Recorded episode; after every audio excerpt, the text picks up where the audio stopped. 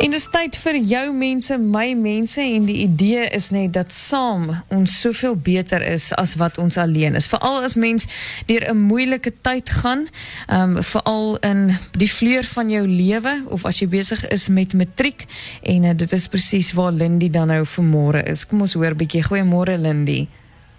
Goeiemôre so aan. Ja, ek is vanoggend by die matriekleerling van Hoërskool Tuine, Giovanni Hendrik se ouerhuis hier in Danville, uh, waar sy pa, Janie en uh, sy ma Elise bly. Ek het hulle kom inloer teen 11:00 gaan hulle weer langs hulle seuns hospitaalbed wees in die hoërsorgeenheid van Kalafang Hospitaal hier in Pretoria Wes. Nou ja. net 'n bietjie agtergrond van hierdie seun. Ek weet omtrent voel vir my die hele wêreld dra hierdie gesin op hulle hart, maar as jy dalk nog nie gehoor het nie, op die 25ste Februarie het uh, Giovanni die middag by die huis gekom het sy ma gesê daar's 'n krapperigheid in sy keel en later die aand kon hy nie eers met praat of sluk nie. En nou Giovanni het 8 jaar gelede aan Guillain-Barré syndroom gely en hy was bang dis dis die siekte wat weer terugkom. Hy ken hy simptome en destyds was hy vir 11 dae in die hospitaal maar hy het volkome herstel. Nou sy ouers het daai aand Pretoria Wes Hospitaal toe geneem. Uh dokters het eers gedink dwelms daarvoor getoets. Nee, dis negatief. Toe dink hulle dis een of ander sterk griep en hulle het hom met pynmedikasie huis toe gestuur. En die volgende oggend was Giovanni heeltemal verlam. Hy kon net sy ooglede beweeg. En sy ouers het 'n ambulans ontbied.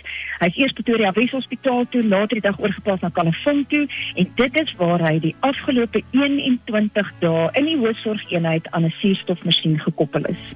Die dokters weet nog steeds nie wat fout is nie.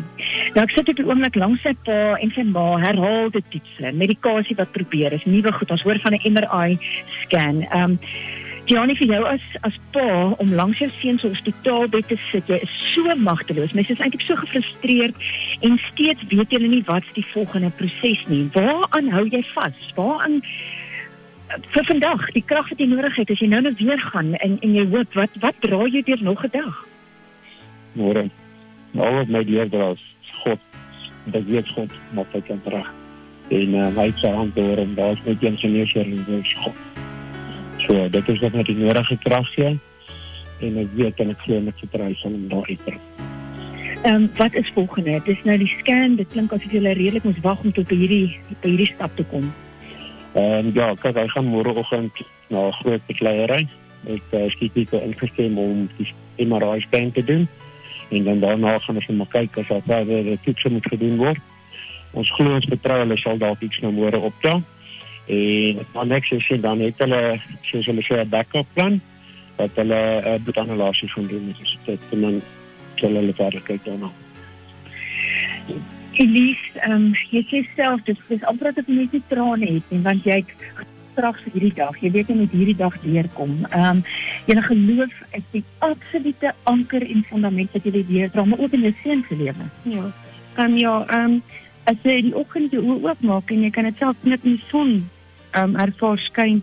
Dit is 'n gawe van God af en in die aand is ons moeg, ons is um, uitgeput, maar dit is die son wat kom weet ons, ons God is in beheer en hy gee ons weer nuwe krag.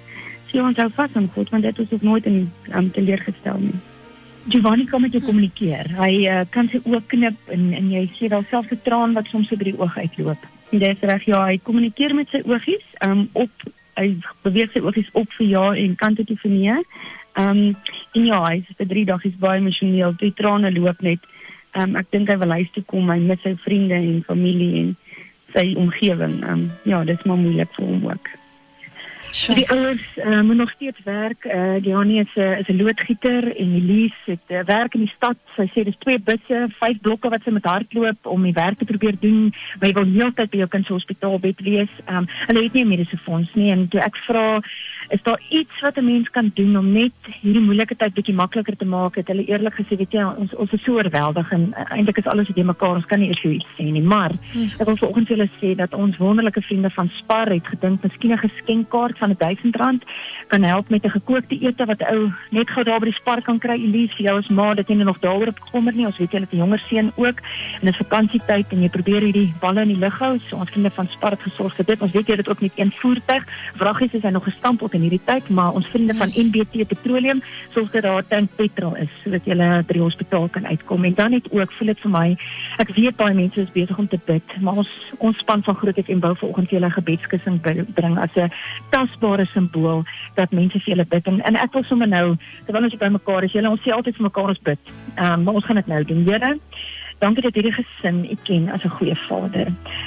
Dankie dat hulle na u kan uitroep en dankie dat u weet hoeveel hare is op ons kop. U weet wat is die diagnose, u weet wat binne in Giovanni se lyf aan die gang is. En Here, u is die een wat dokters gebruik en toetse gebruik en uh, wat moontlik vir ons môre lig kan kan werp op hierdie onderwerp van wat in daai liggaam aangaan op die oomblik. En Here, ons vra dat u mense sal wys maak, sal wakker maak om raak te hoor en raak te sien. En, en ons bid vir daai seun Here wat seer het en wat net met 'n traan wat uit sy oog uitloop probeer sê dit is maar eina aan die binnekant. Here maak hom rustig en mag hy heeltyd so intens bewus wees van u nabyheid en teenwoordigheid. Dankie dat u ons nooit ooit alleen laat nie.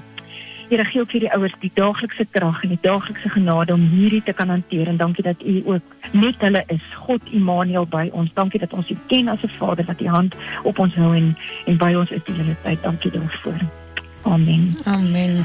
Ja, en so en ek dink nie ons ken die hel waardeur hierdie ouers gaan nie. Die mm. frustrasie as jy nie weet wat met jou kind aangaan nie, maar dankie vir 'n gesin wat die Here ken en weet dat sy hand op hulle kind is in hierdie situasie. Dankie vir Spar, dankie vir MBT Petroleum en dankie vir vyf hierdie kussings vir 'n gebedskussing wat ons vir die gesin kan gee as 'n simbool van almal wat hulle op die hart dra in hierdie tyd.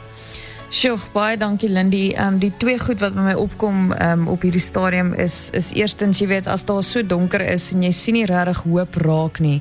Ehm die feit dat Romeine sê geloof is om te hoop in die dinge wat ons nie kan sien nie. Ehm en dan die tweede ding is ehm ek dink dit is in Petrus of ook Romeine waar dit staan niks kan ons skei van die liefde van die Here nie. Nie ja. nie dood nie nie ja. pyn nie nie onsekerheid nie uh nie gebrek aan kennis of diagnose nie. So dankie tog vir dit en en dankie dat hierdie mense ook uh vashou aan die Here al kan hulle nie noodwendig um die totaliteit van die lig aan die einde van die tonnel sien nie. Hoor baie groete ja. vir hulle ook. Ons maak so. Dankie so aan bye